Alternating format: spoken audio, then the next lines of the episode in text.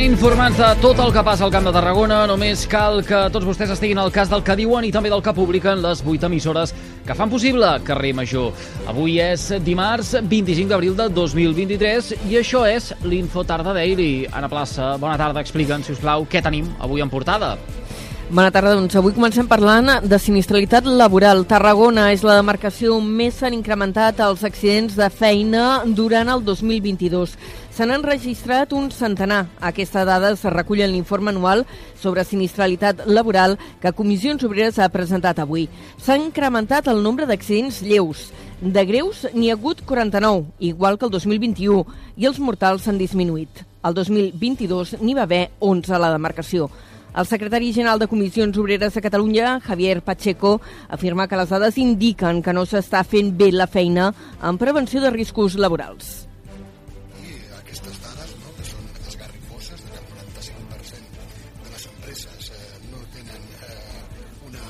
Atenció a la prevenció de riscos eh, evident, penso que necessita una mesura més eh, decidida per part de, de les administracions. A Catalunya l'any passat eh, van morir 111 persones en accidents laborals, una dada que des de Comissions Obreres qualifiquen d'escandalosa. Més coses, la plataforma Mercaderies per l'Interior reitera que el tercer fil ferroviari convertirà la línia de costa en un coll d'ampolla. L'entitat ha retret al comissionat del govern espanyol pel corredor del Mediterrani que no abordés aquesta qüestió en la conferència que va fer divendres a la Cambra de Comerç.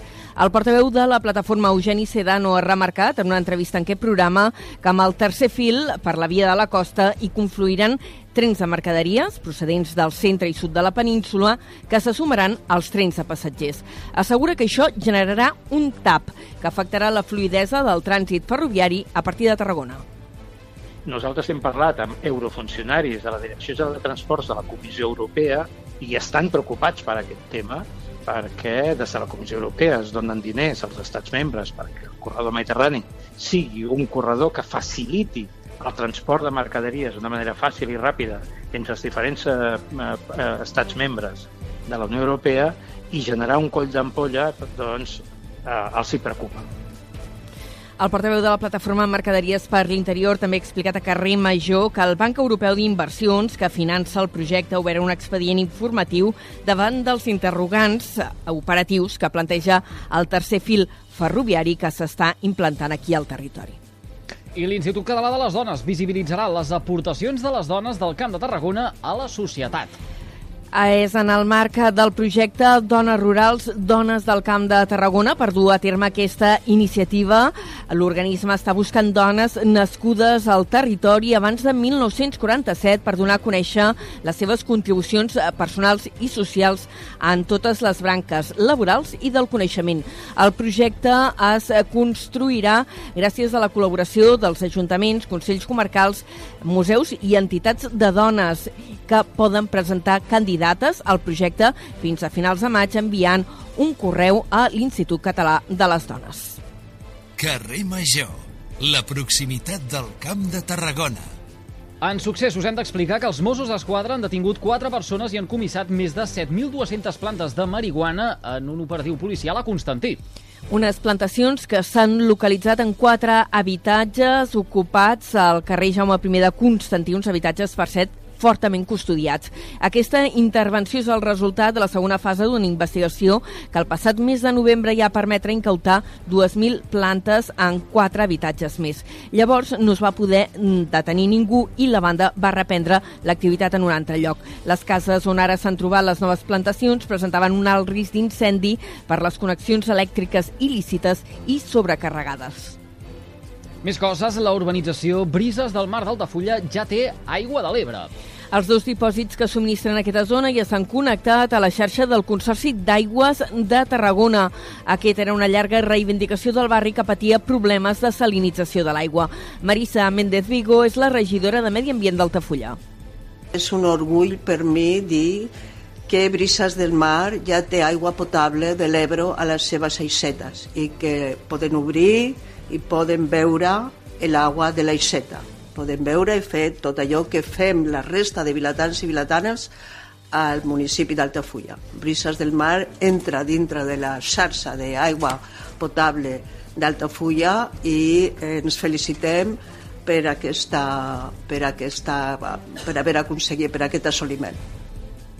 S'ha instal·lat una canonada de 3 quilòmetres i mig des del dipòsit de Sant Antoni al dipòsit de brises del mar i dues bombes eh, per eh, impulsar l'aigua.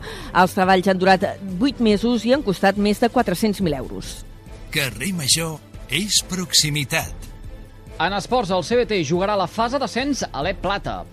Ho fa possible la renúncia del Barça B. Encara no hi ha confirmació oficial per part de la Federació Espanyola de Bàsquet, però el club tarragoní n'ha tingut constància gràcies a la Federació Catalana. Així, els blaus jugaran la fase d'ascens de l'11 al 14 de maig i sense passar per la fase prèvia, un dret que han heretat del filial blaugrana.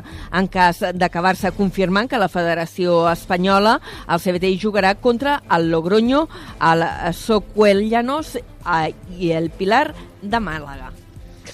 I més enllà dels esports, també hem de destacar en clau cultural que la tarragonina Joana Costa Benaja rebrà la Creu de Sant Jordi. Els, és armadora i remandadora. El govern català la reconeix per ser una excepcional exponent, diuen, de la vida marinera al barri del Serrallo, com a armadora i remandadora i, a més, dipositària d'una centenària tradició vinculada al món de la pesca, que també ha viscut en l'àmbit familiar com a besneta, neta, filla, esposa i mare de pescadors. A més, també rebrà la Creu de Sant Jordi la poeta ebrenca Maria Zoraida Burgos. Carrer Major, fent camp de Tarragona. Dit tot això, coneguem quin temps ens espera de cara a les properes hores i connectem amb el Servei Meteorològic de la xarxa de comunicació local. Lluís Mi Pérez, molt bona tarda. Molts núvols però prims. Són tan esquifits que deixen passar el sol completament a través i això fa que la temperatura a hores d'ara s'enfili més que no pas ahir, sobretot a les comarques de Ponent i de l'Ebre. Aquesta tarda arribarem a fregar els 30 graus. En el cas de l'interior del Baix Ebre, cap a la Terra Alta, la Ribera d'Ebre i també a les comarques del Sagrià i de les Garrigues. La temperatura no ha de variar gaire arran de mar, sobretot en el cas de Barcelona i de Girona, on la brisa de sud-est arribarà una mica més refrescada. Pel que fa als núvols, els més gruixuts serà el Pirineu i ja gran part de les comarques de Girona, amb algun ruixadet poc important aquesta tarda, especialment entre el Ripollès, la Garrotxa i també el nord d'Osona. Demà, una temperatura que baixa una mica a les Terres de l'Ebre, però encara alta, per exemple, cap a la vall del Segre, i tot plegat amb alguns núvols que al matí seran més gruixuts al sud de Tarragona i dura la tarda a les comarques de Girona. De forma local, demà a la tarda, novament, algun xàfec, especialment entre la Garrotxa, el Ripollès i la banda d'Osona. Ho anirem seguint a la xarxa. Ara sí, doncs ho deixarem aquí, a la plaça. Gràcies per aquesta pinzellada informativa, com sempre, amb el més destacat de la jornada al Camp de Tarragona. Que vagi bé, fins després. Fins després. I tots vostès poden recuperar l'Info Tarda Daily d'aquest dimarts, dia 25 d'abril, des de les xarxes socials i, i també des dels respectius serveis de ràdio a la carta a les 8 emissores que cada tarda passegen plegades pel carrer Major. Gràcies per seguir-nos.